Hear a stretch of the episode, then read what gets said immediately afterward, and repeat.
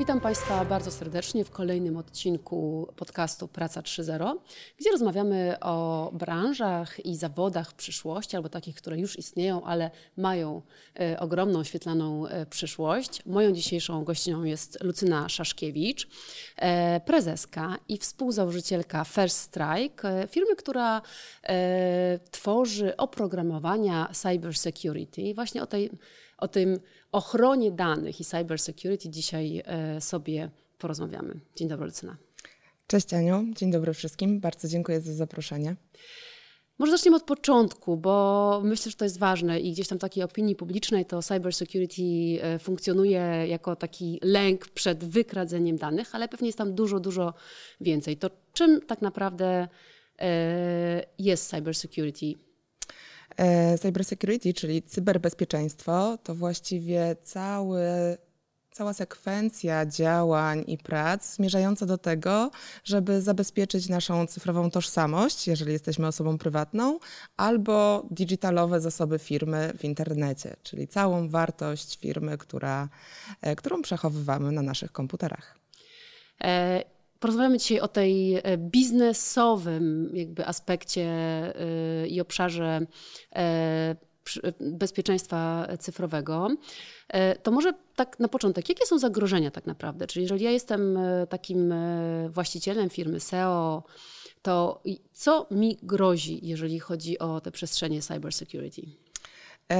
Pewnie tych zagrożeń jest bardzo wiele, ale 80% tych, które dotyka większość firm są powtarzalne e, i to najczęściej są techniki malware'owe, ransomware'owe albo phishingowe.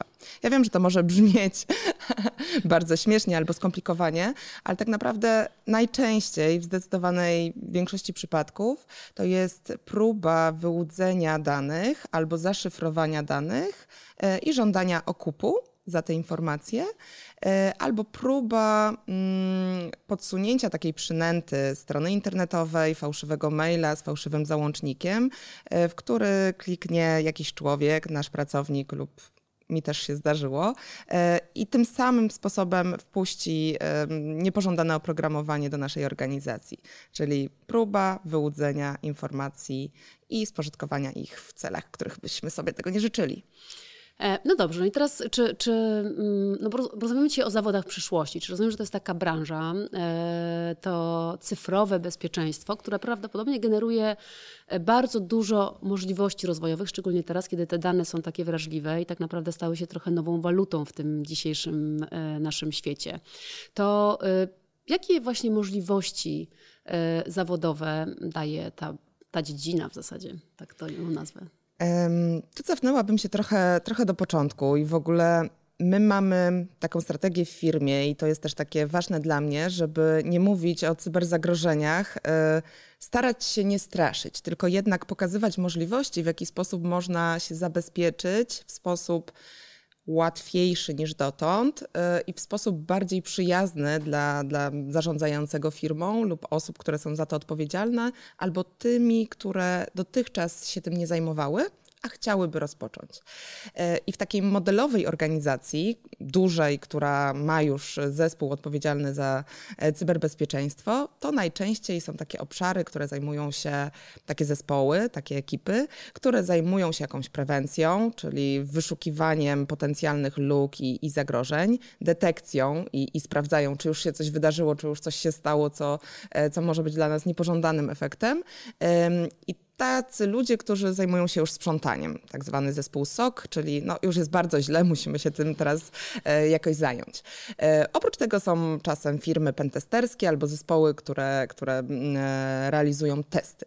I każdy z tych obszarów to jest jakiś obszar potencjalnie, w którym ludzie chcący realizować karierę, karierę albo pracować w cybersecurity mogliby się odnaleźć. I każdy z tych obszarów wymaga trochę innych kompetencji, tam są trochę inne zadania tak naprawdę w takiej przeciętnej, średniej firmy, firmie w Polsce i w Europie cyberbezpieczeństwem zajmuje się ktoś w IT. To znaczy ponieważ tych ludzi, tych ekspertów, którzy są tacy naprawdę bardzo wykwalifikowani i mają, mm, mają e, skille, mają, mają umiejętności, żeby być samodzielnym ekspertem, brakuje jakichś 3 milionów na rynku w, w Europie, e, to najczęściej tą rolę realizuje człowiek, który zajmuje się administracją systemów albo odpowiada za kod danej aplikacji, jeżeli to jest jakaś firma taka realizująca usługi w internecie, na przykład e-commerce, e, albo to jest osoba, bardzo często, e, która odpowiada za wdrożenie clouda, chmury, po prostu takiej usługi, z której korzystają pracownicy albo rozpoczęli korzystanie w pandemii,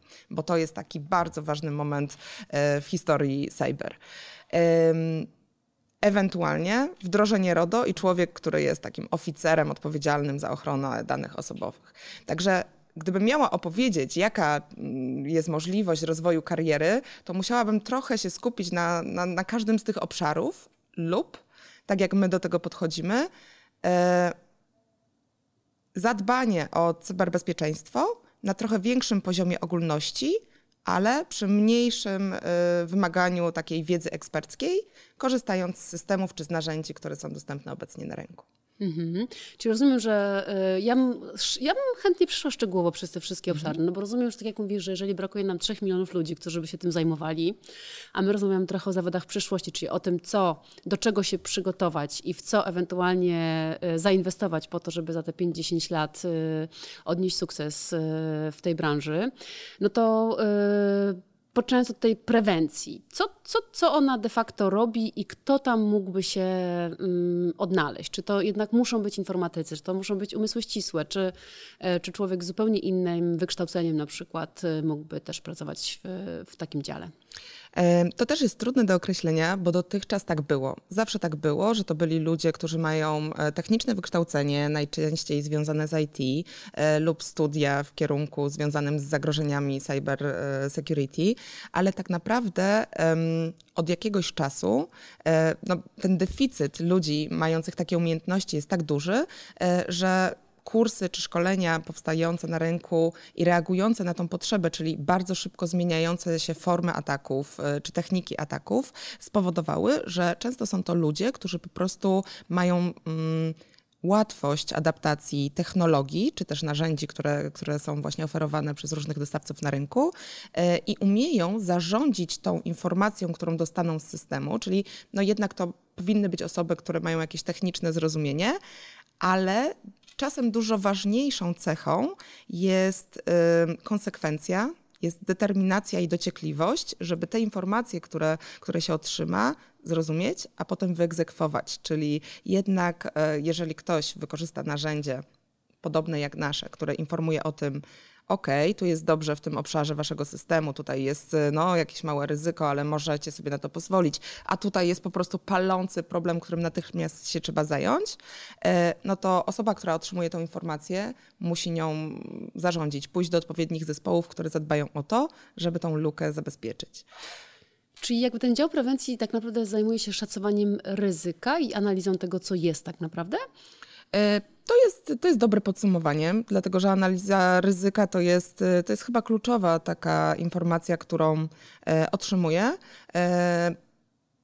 Tak, to jest analiza ryzyka plus informacja do osób, które zarządzają całą firmą, gdzie powinno się zainwestować swoje zasoby IT, aby ta firma mogła się bezpiecznie dalej rozwijać, żeby, żeby nie stracić po drodze, e, czy to w związku z utratą danych klientów, czy pracowników, czy informacji finansowych. Ale często to są też firmy na przykład, tak trochę od innej strony, szkoleniowe. To też jest bardzo fajny case. Wielu z naszych klientów tak postępuje, czyli zatrudnia firmy, które zajmują się szkoleniem na temat phishingu, czyli tego, jakie maile pracownicy mogą dostawać, jak postępować, jak nie postępować. No, cały obszar higieny związanej z tym, jak zachowywać się kulturalnie w, w obliczu otrzymania maila od hakera, czy też innego, e, innej wiadomości, jak choćby poprzez Slacka, bo tak, tak e, Uber został zhakowany. E, I te firmy robią świetną robotę. Te, te szkolenia są często na bardzo wysokim poziomie, natomiast jesteśmy tylko ludźmi. Czyli zawsze jest jakiś procent pracownika, który no, w taki mail kliknie, bo e, no, nie da się żyć w ciągłym napięciu, w ciągłej ostrożności, e, jednocześnie efektywnie pracując. Więc jakieś takie 10-15% to jest taki level osób, które no, dadzą się nabrać e, przy, przy najlepszych chęciach i, i każdej organizacji się to zdarza. I to, co my na przykład robimy podczas prewencji, to sprawdzamy, co się stanie, jeżeli ten pracownik kliknie. Czyli jak haker skutecznie przebrnie przez inne nasze zabezpieczenia. Jeżeli organizacja ma antywirusa, ma VPN-a, ma wszelkiego rodzaju skanery, e, no to na przykład nasze oprogramowanie jest w stanie przejść tą ścieżkę i powiedzieć: OK, tutaj się dostaliśmy, tutaj byśmy to wykradli, tutaj byśmy to zaszyfrowali. Także. Mm, w zależności od, od rodzaju mm, możliwości e, też danej organizacji, ludzie zajmują się różnymi badaniami tego, e, co, można, co może się wydarzyć. A co z drugim etapem? To już jest tak, że znowu, czy tu już jednak ta wiedza technologiczna czy techniczna jest, e, jest niezbędna?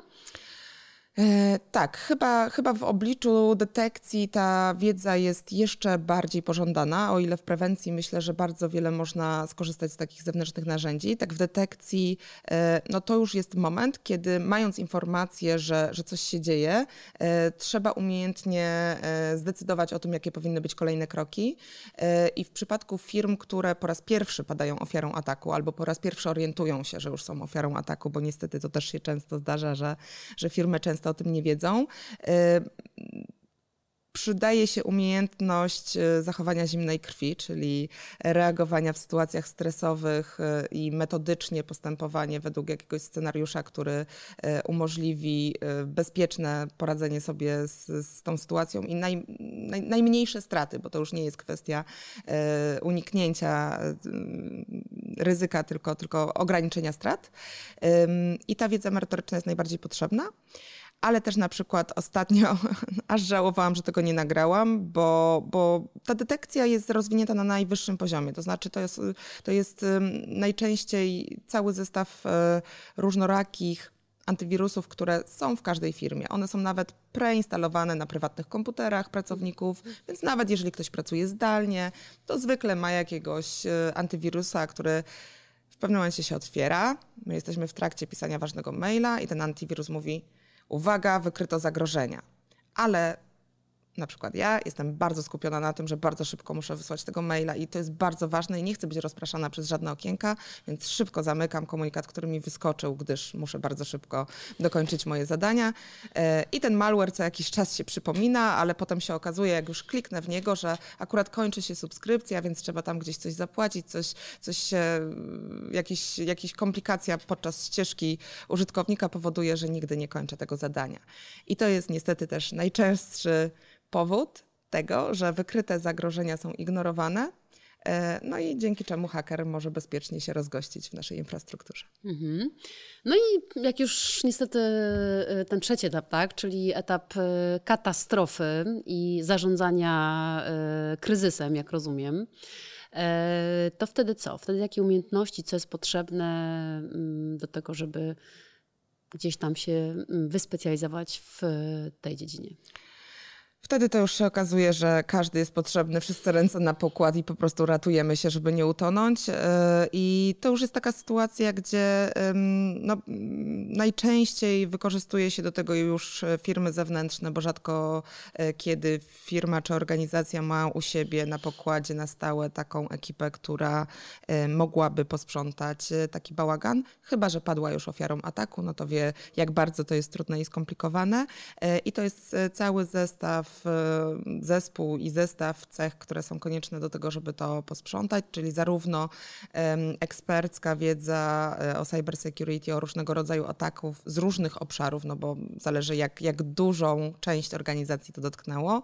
E, to jest często też projekt manager czy osoba, która po prostu zarządzi różnymi obszarami w firmie, no bo to dotyka wszystkich, tak? Jeżeli, jeżeli ten incydent był duży to jest też angażujące dla zarządu. To często powoduje konsekwencje nie tylko finansowe, ale też takie, znam taki przypadek mm, prezesa, który po prostu do, dotknęło go to w sposób wypalający na tyle, że, że e, no potem były mm, trudne konsekwencje dla całej firmy, ale też na przykład to jest bardzo duży, duże wyzwanie wizerunkowe, e, więc e, dotyka to również osób, które są odpowiedzialne za komunikację, za PR, za marketing i to też jest ogromna odpowiedzialność i ogromny stres.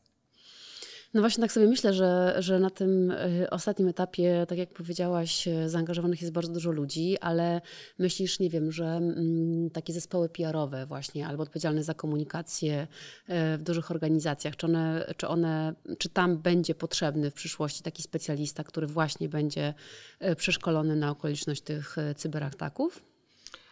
Hmm, to dobre pytanie. Nie myślałam o tym, że stricte w tym zespole powinna być taka osoba, y, natomiast y, niewątpliwie przydaje się i ostatnio rozmawiałam z agencją marketingową odpowiedzialną za tworzenie i prowadzenie marek, też um, którzy przyznali się do tego, że takie szkolenie odbyli, też w jaki sposób zarządzić takim kryzysem w mediach i, i w komunikacji, bo okazuje się, że wiele przypadków, nawet z naszego polskiego podwórka, firm, które, um, które no niestety doświadczyły takiego rodzaju zagrożenia, dziś mówią, że komunikacja była jednym z największych błędów, które popełniły w trakcie tego tego kryzysu e, i że nawet uważają, że technologicznie byli w stanie e, to, to jakoś ogarnąć, e, no to już operacyjnie, czyli to, co, co zarząd czy biznes postanowił, albo komunikacyjnie polegli na całej linii. Więc myślę, że nawet jeżeli taka osoba nie musi być w marketingu, to musi wiedzieć, jakie są dobre praktyki, a jakie niekoniecznie się dobrze sprawdzają. No bo trochę, trochę z tego, co mówisz, to ja sobie wyobrażam to tak, że jednak to całe zabezpieczenie przed tymi cyberatakami e, jednak jest mocno technologiczne, no bo tak jak mówisz, że to są wszystkie programy antywirusowe, e, które wykrywają wcześniej, prawda, jakieś zabezpieczenia przed włamaniami właśnie, czy, czyli co, to, to, to jest gro pracy tak naprawdę dla informatyków. Jestem ciekawa, jak, jak, jak jak ten jakby, ta przestrzeń informatyczna się rozwija? Czy to jest tak, że ona, tam cały czas powstają nowe oprogramowania, nowe zabezpieczenia, czy coś tam się wynajduje nowego, czy to są po prostu jakby mm, mniej więcej ciągle te same, y, te same systemy, które działają lepiej lub gorzej? Kurczę, to jest, to jest w ogóle fascynujący dla mnie obszar, bo zarówno informatyka, jak i cyberbezpieczeństwo e, to jest tak szeroki, tak szeroki wachlarz usług i, i oprogramowania, jak, e, jak gdyby zapytać lekarza, co robi lekarz, na czym się zajmuje. No to to jest dokładnie tak samo. To znaczy z założenia myślenie dla mnie, i, i, jak patrzę na ten rynek, na, na naszą branżę, to z założenia myślenie o tym, że ktoś, kto zajmuje się cyberbezpieczeństwem, jest informatykiem, dla mnie to już jest e, hipoteza, którą, z którą można dyskutować, bo uważam, e, że właśnie to nie tylko są programiści, to nie tylko są informatycy, ale widzimy, że te narzędzia, które zaczynają być na tyle przyjazne w interfejsie i na tyle zrozumiałe, że może je zinterpretować na przykład menadżer albo osoba, która. Mm, ma jakieś pojęcie technologiczne, w sensie ma taką sprawność technologiczną, że, e, że, że, że jest już natywnym użytkownikiem digitalu. Całe nowe pokolenie, cała generacja Z, która jest przecież wychowywana na tych narzędziach, to może być wystarczające do tego, żeby sobie poradziła z, z, z tym tematem. I tak bym sobie wyobrażała i tak bym sobie życzyła dla nas wszystkich, jako uczestników tego ekosystemu, żeby w ten sposób ta branża się rozwijała. Czyli żeby to już nie było nie była ekskluzywna wiedza tajemna, przekazywana żargonem, dzięki temu kosztowna, tylko żeby to było coś, co jest oczywistym standardem, dostępnym dla ludzi, którzy nawet nie mają takiego wykształcenia, e, bo ci, którzy skończyli studia, e, no, podczas pięciu lat, kiedy, kiedy się wykształcali, kiedy, kiedy się o tym uczyli, zmieniło się tak wiele w technologii, zmieniło się tak wiele w naszej gospodarce i zmieniło się tak wiele w postępowaniu tych hakerów, y, że no, ona nie jest już tak aktualna. Oraz pojawiły się nowe możliwości i narzędzia, które mm, no, nie są tam e, przekazywane. Więc uważam, e, że osoba, która jest takim cyber-opsem, czyli, czyli odpowiednik DevOpsa, e, która po prostu łączy umiejętności e, projekt z wiedzą, e, którą może zdobyć na szybkim, prostym i częstym szkoleniu, częstej aktualizacji wiedzy, e, może być skuteczniejsza niż taki człowiek, który wiele lat temu skończył studia i, e, i na tym zaprzestał swój rozwój. Mhm. E, jeszcze wrócę do tych informatyków, bo, bo porozmawiamy o, tej, o tym właśnie obszarze i zarządzaniu tymi programami, bo to też mnie interesuje. Ale ciekawa jestem też tak samego, na samym jakby poziomie, czy jeżeli jestem informatykiem, już tak stricte, to czy to jest też taki obszar tego cyber security, w którym warto się specjalizować? Czyli, no wiesz, jak masz wybór, nie wiem, tworzyć gry, czy tworzyć AI w jakichś innych obszarach, czy jednak e, budować te programy antywłamaniowe, nazwijmy je, to uważam, że to jest jakby taka przestrzeń, która rzeczywiście ma sens i jest sens tam inwestować na, na tym etapie e, rozwoju swój czas. Trudno mi być pewnie obiektywną, e, bo wyobrażam sobie, że ktoś, kto decyduje się na pójście w gaming albo w AI, no to też ma swoją motywację, bo go to po prostu pasjonuje. Natomiast z cyberbezpieczeństwem jest tak, że niezależnie od tego, w jakiej firmie się znajdzie taki informatyk czy taka osoba, e, to tam cyberbezpieczeństwo będzie zawsze istotne, zawsze ważne i zawsze powinno być uwzględniane. Więc jeżeli ja chcę być informatykiem, czy też programistą właściwie tworzącym gry, to mając umiejętności i wiedzę z zakresu cyberbezpieczeństwa, zawsze to wpłynie na wartość w mojej firmie. Jeżeli mam tą wiedzę w kontekście AI e, czy, czy nowych technologii, które się rozwijają i wykażę się takim zainteresowaniem, no to to turbo podnosi kompetencje, bo niezależnie od obranej ścieżki zawodowej, to zawsze będzie plus. Mhm. No to trochę jest tak w takim razie z tym cyberbezpieczeństwem, że to jest taka kompetencja, którą można dołożyć w zasadzie do wszystkiego dzisiaj i podnosi to nasze kwalifikacje. No bo jak mówiliśmy o tym obszarze tego obsługiwania tych programów, czyli na tych wszystkich trzech etapach, no to tak jak sama powiedziałaś, to jest e, coś, co nie wymaga studiów oddzielnych, tylko raczej jakiegoś dokształcenia i specjalistycznej wiedzy w tym temacie. Myślę, że z moją opinią nie każdy mógłby się zgodzić, dlatego że jest no, oczywiście bardzo szerokie grono bardzo wykształconych i wykwalifikowanych ekspertów w Polsce, którzy e, mogliby mm, polemizować z moją opinią, e, ale myślę, że sytuacja zmusza nas do tego, e, żeby to już nie było tak jak dawniej, że, że to się zmienia. Natomiast mm, te szkolenia te, te, te kursy czy te certyfikaty, które pozyskujemy, nie dadzą nam tak głębokiej wiedzy jak, jak pełne studia, ale uważam, że będą wystarczające, żeby zacząć w ogóle ten temat w firmie, w wielu przypadkach, który jest niepodjęty, niezabezpieczony, bo jest zbyt trudny albo zbyt komplikowany, a potem uczyć się w praktyce. Czyli w trakcie tego, jak, jak, ten, jak to cyberbezpieczeństwo jest oswajane, e, nabywać kompetencji, jak, jak w życiu. E, no dobra, jak chcę po prostu studiować e, cyber security, to co byś polecała? Um, może na początku warto zweryfikować nasze wyobrażenia na temat tego, co to jest i z czym to się je na jakimś prostym kursie. Jest bardzo wiele łatwo dostępnych informacji za darmo lub naprawdę po bardzo niskiej cenie na bardzo wysokim poziomie. E, I tutaj taką, takim znanym portalem jest zaufana strona trzecia, jest niebezpiecznik.pl, gdzie smaczki są podawane w bardzo atrakcyjny sposób. Po angielsku e, są szkolenia, które można na YouTubie nawet oglądać. E, polecałabym kurs, który jest oferowany przez taką izraelską firmę HackerU i który jest realizowany przy współpracy z uczelniami zarówno w Warszawie, w Krakowie, jak i chyba we Wrocławiu. I polecałabym pewnie przeczytać choćby na początek e, jakieś książki. Ostatnio wydana bardzo ciekawa Zdążyć przed hakerem e, Kuby Bojanowskiego. W przystępny i dość fascynujący sposób podaje informacje, które, które mogłyby nas tutaj skłonić do tego, aby się zaangażować bardziej w ten temat.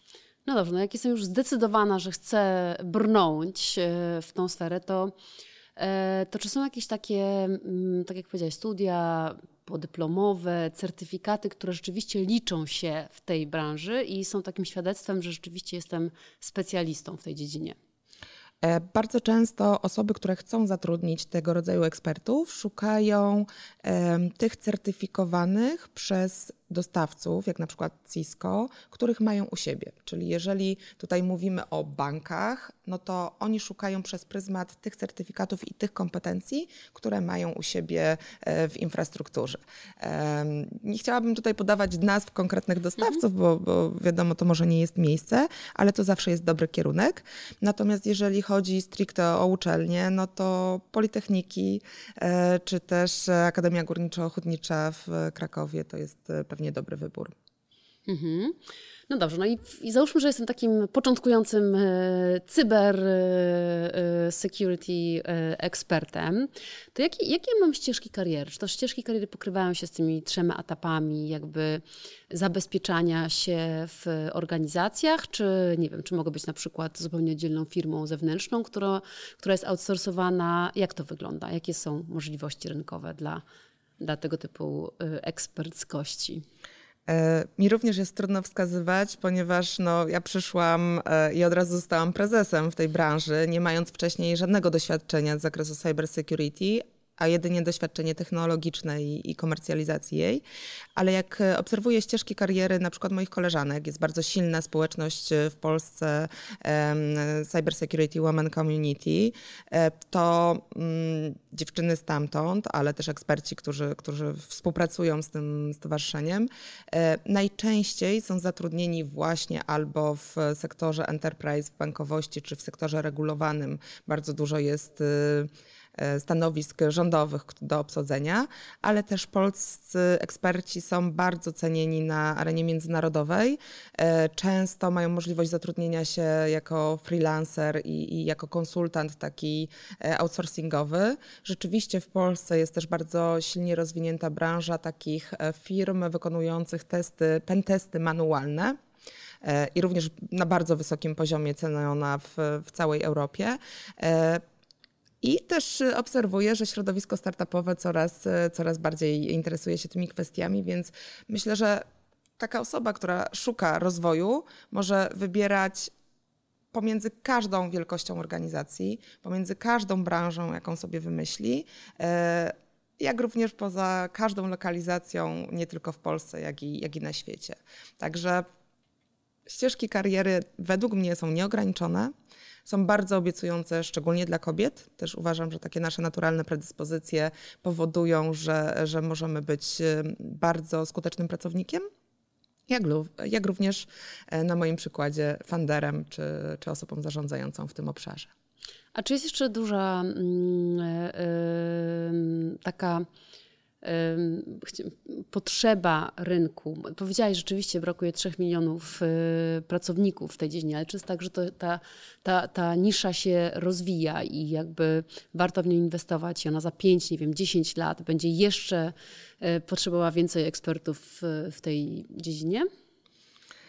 Ja naprawdę bardzo nie lubię straszyć, e, ale podam przykład, że w zeszłym roku dwa lata temu, ale na zeszły rok Gartner, taka firma szanowana opiniotwórcza, wyestymowała, że wzrost ryzyka ataków wyniesie plus 145%. Natomiast już w Q3 zeszłego roku wynosiło to 700%, plus 700. I to było e, zaraz w zeszłym roku. Oczywiście było to konsekwencją tego, że firmy, które były zmuszone przenieść wszystkie swoje operacje, wszystkie swoje patenty, prawa, no całą swoją organizację z, z fizycznego e, świata do, do digitalu, musiały to zrobić bardzo szybko i no, zwyczajnie nie miały czasu zadbać o e, elementy, które są krytyczne i kluczowe w tym, żeby, żeby taka firma była bezpieczna. Więc powstał niejako taki gap technologiczny, który teraz e, no, niestety wymaga załatania, więc to wymaga czasu no bo mm, nie da się tych rzeczy naprawić szybko. E, I to jest jeden taki aspekt, czyli to, co organizacje przeszły. Drugi aspekt, no to w ogóle zmiana formy podejścia do, do pracy. Dzięki temu, że e, dzięki albo przez to, e, co przeszliśmy, pojawiła się już jako standard możliwość pracy hybrydowej i wykorzystania prywatnych komputerów do celów służbowych, jak i służbowych do celów prywatnych. No i to już jest nie do zatrzymania, prawdę mówiąc ktoś, kto łudzi się, że, że jest inaczej, no niestety muszę zmartwić, że raczej nie. E, więc ta forma zmiany zatrudnienia pracowników wymusza też nowe standardy.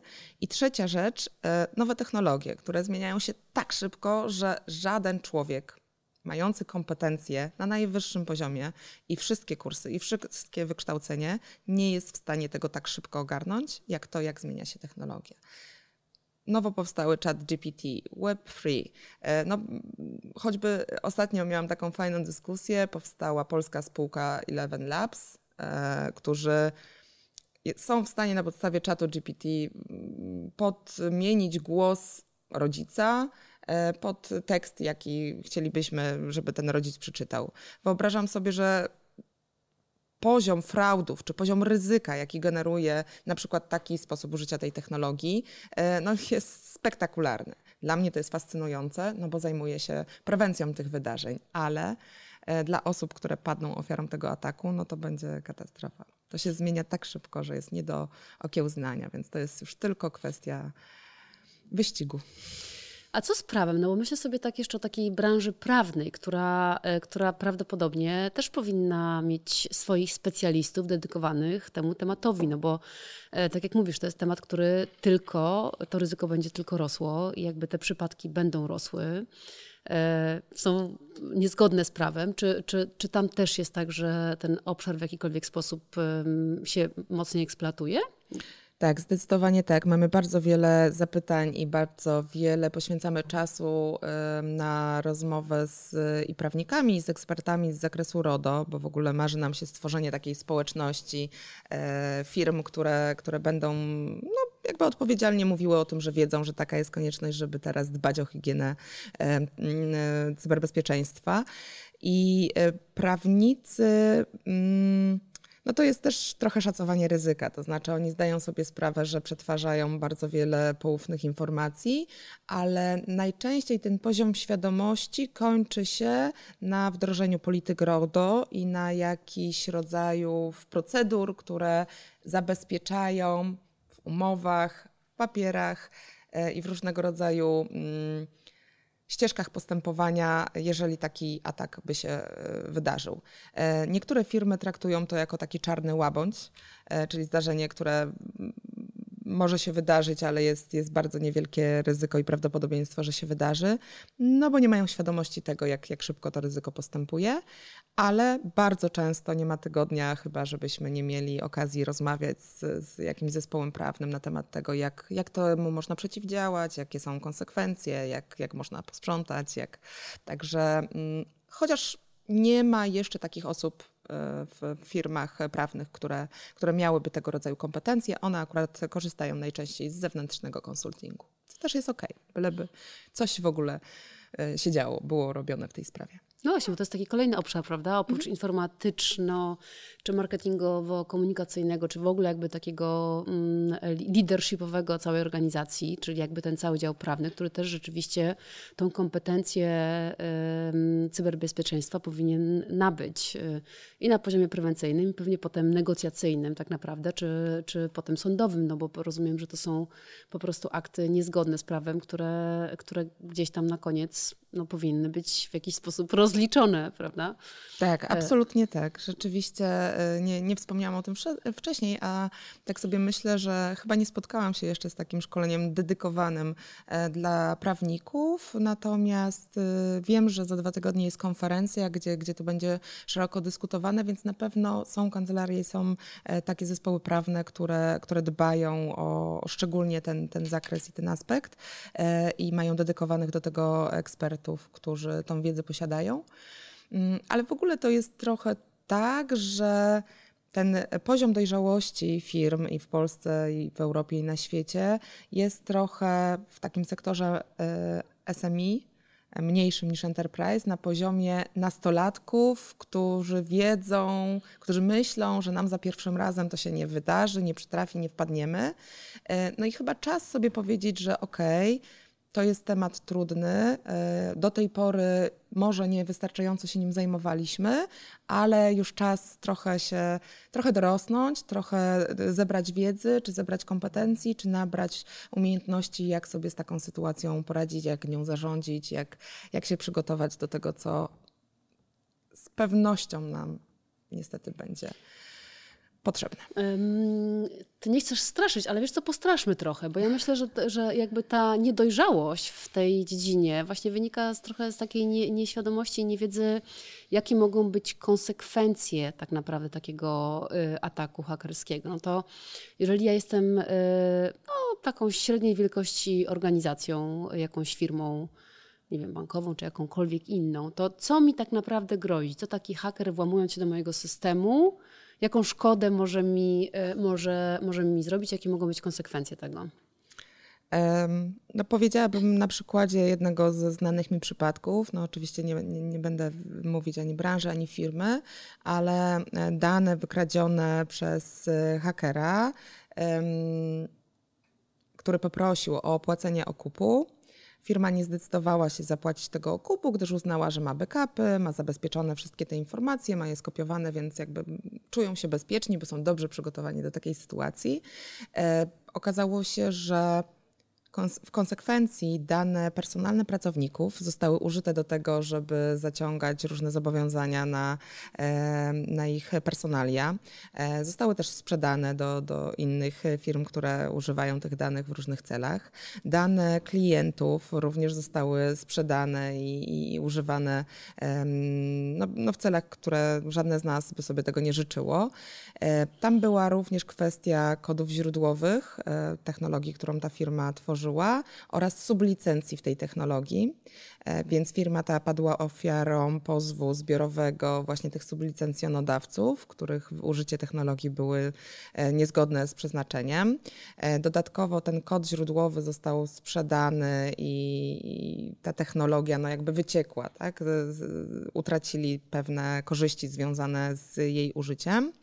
E, oprócz tego tam byli zaangażowani inwestorzy, e, którzy no, oczekiwali zwrotu od właściciela firmy, wartości firmy, która w ten sposób e, została zmniejszona. No i cały taki rozgardiaż, nazwałabym operacyjny, i czas poświęcony, i zaangażowanie poświęcone na to, żeby sprzątać ten cały bałagan, okazał się znacznie bardziej angażujący i długotrwały niż te osoby sobie tego e, życzyły i wyobrażały, bo to było ponad 9 miesięcy takiej naprawdę bardzo zaangażowanej dla wielu osób e, zaangażowania czasu. E, no i utrata wizerunku, czyli coś, co, co, co buduje się przez lata, a traci się w kilka mhm. minut. Wiarygodności, prawda? No Wiarygodności. Bo to jest, e, idealny przykład. Znaczy, jak myślę, że on obrazuje dokładnie, dokładnie wszystkie te zagrożenia. Powiedz, czy są jakieś takie branże bardziej wrażliwe na te ataki? Mówiliśmy o bankowości. Nie wiem, czy na przykład medycyna też jest takim, taką sferą, która, która może być bardziej wrażliwa. E, tak, zdecydowanie tak. E, no i to są głównie te branże i te firmy, których zdecydowana wartość jest głównie w digitalu. I e, no, oczywiście firm, wszystkie firmy są, bo nie, nie, wszyscy wiedzą, że haker nie wybiera. Nie wybiera sobie brandu, marki, ok, to teraz, znaczy czasem się tak zdarza, ale to już jest specyficzny rodzaj ataku, bo, bo ktoś ma inne intencje niż takie standardowe, ale raczej nie wybiera się branży, czy nie wybiera się lokalizacji. No po prostu masowo wysyła się e, oprogramowanie, które jest skuteczne. I my zdecydowaliśmy się w First Strike e, zaopiekować szczególnie te firmy, które najczęściej do nas e, trafiają z obszaru gamingu, z obszaru healthcare, ale takiego prywatnego healthcare to są często kliniki, kliniki in vitro, producenci leków, badania kliniczne, które w Polsce są też na bardzo wysokim poziomie. E, to są firmy z zakresu e-commerce, które no, przetwarzają bardzo dużą ilość informacji o użytkownikach, o transakcjach też płatniczych, e, o kartach kredytowych. To są też firmy, które są producentami i mają na przykład cały supply chain dostawców, odbiorców i taką otoczenie organizacyjne, które, które często też jest obarczone ryzykiem i że często też mają jakieś deadline, muszą coś dowieść bardzo szybko, na czas, e, bo jeśli nie, to, to, to bardzo dużo tracą, nie wywiązują wywiązując się z tych deklaracji, które mm, ich obowiązują. A z drugiej strony, czy ten rynek hakerów też rośnie? Czy to jest tak, że to są pojedyncze jednostki, czy to są całe organizacje, które zrzeszają i atakują jakoś tak, jak powiedziałaś, grupowo i masowo? Jak to wygląda? Jak wygląda E, ta druga strona. No jasne, że tak. Ja, ja naprawdę czuję, że mogłybyśmy tutaj spędzić jeszcze wiele godzin, bo tu jest tyle rzeczy do, e, do dotknięcia, do opowiedzenia, że, że spokojnie można by e, opowiadać. Tak, są, są osoby prywatne i czasem to jest no, zatrważające, bo jednym z takich znanych przypadków, jednego z najskuteczniejszych hakerów był człowiek, który był carpenterem Mm, brakuje mi polskiego słowa, trochę wstyd, ale e, no nie miał wykwalifikowanych umiejętności programistycznych i mhm. szkół nie kończył, czyli hakerem może zostać osoba, która tak naprawdę w ogóle nie ma wykształcenia, e, tylko po prostu pasjonuje się tym i sama sobie znalazła sposoby, jak do tych organizacji dotrzeć i, i łączy te sposoby w jedną skuteczną sekwencję. Także z jednej strony są to osoby prywatne, z drugiej strony są to całe szajki, całe grupy i całe no, chciałoby się powiedzieć, firmy, które dostają zlecenia na konkretne zebranie danych. Często to są też ataki konkurencji. E, przykro o tym mówić. No dobra, a jest na to tak już na koniec e, jakaś rada? Czy to jest tak, że e, nie wiem, jednak te systemy zabezpieczające będą, e, będą bardziej się bardziej się, że tak powiem, wykształcać i będą bardziej profesjonalne, czy one będą budowane na tych systemach na przykład blockchainowych, które rzeczywiście jakby są trudniejsze do złamania niż, niż normalnie e, z jednej strony, a z drugiej strony rozumiem, że też ważna jest ta edukacja, prawda, że jakby ta świadomość tych, tego każdego naszego pracownika w tej organizacji e, ma znaczenie, taka ostrożność i uważność na to, co robimy. Dobrze myślę? Pier Pierwsze, na co chciałam zwrócić uwagę, to że niestety te systemy blockchainowe wiążą się z inną specyfiką, ale nie są trudniejsze do schakowania. Po prostu używa się innych metod, e, mhm. e, więc to dementuję. E, I nie ma jeszcze tak e, rozwiniętych zabezpieczeń jak, jak w innych obszarach e, cyberbezpieczeństwa, być może. E, natomiast. Mm, ja bym powiedziała, że e, trzeba robić wszystko, co tylko można i cokolwiek, byleby tylko robić i byleby robić ciągle, bo to jest chyba naj, najcenniejsza taka rada, gdybym miała polecić jeden e, hint, jeden tip dla, dla firm, które to słuchają, czy osób, które to słuchają, e, żeby po prostu holistycznie i metodycznie podchodzić do tego tematu e, i wdrażać małymi krokami to, na co organizację stać. To znaczy w ogóle zacząć się przyglądać, mhm. jak to u nas wygląda, bo mamy, mm, mamy taki, taki feedback od niektórych klientów, którzy mówią, kurczę, ja wiem, że to jest ważne, ale to, to, to jak, ta, jak to ostrzeżenie na paczce papierosów.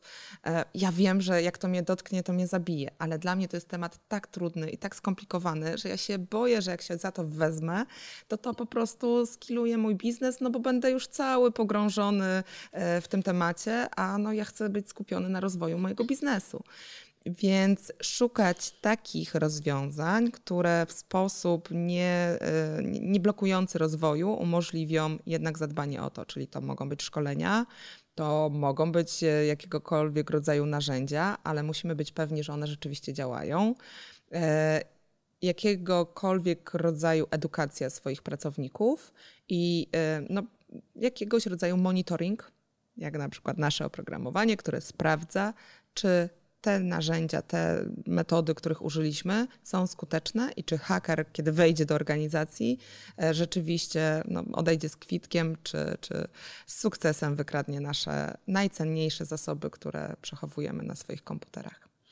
No właśnie, apelujemy, słuchajcie, do tego, żeby zainteresować, zainteresować się tym e, tematem w firmach, że obok działów marketingu, księgowości i prawnego będzie też taki e, oddział cyber security, bo to jest e, tak naprawdę bardzo ważne. Ale z drugiej strony też, żeby każdy z nas tak osobiście miał świadomość tego, że to jest ważne też dla nas, bo, e, bo to mm, kradzenie tożsamości nie, nie dotyka tylko firm, tylko każdego z nas z osobna, więc warto mieć tego świadomość, być na to przygotowanym i mm, no, być może uważnym być w tych w naszych poruszaniu się w tym wirtualnym świecie. Dziękuję, Lucyna. Tak, dokładnie. I że to jest temat, który może być fascynujący, a niekoniecznie ciężki i nudny. Dziękuję serdecznie za uwagę.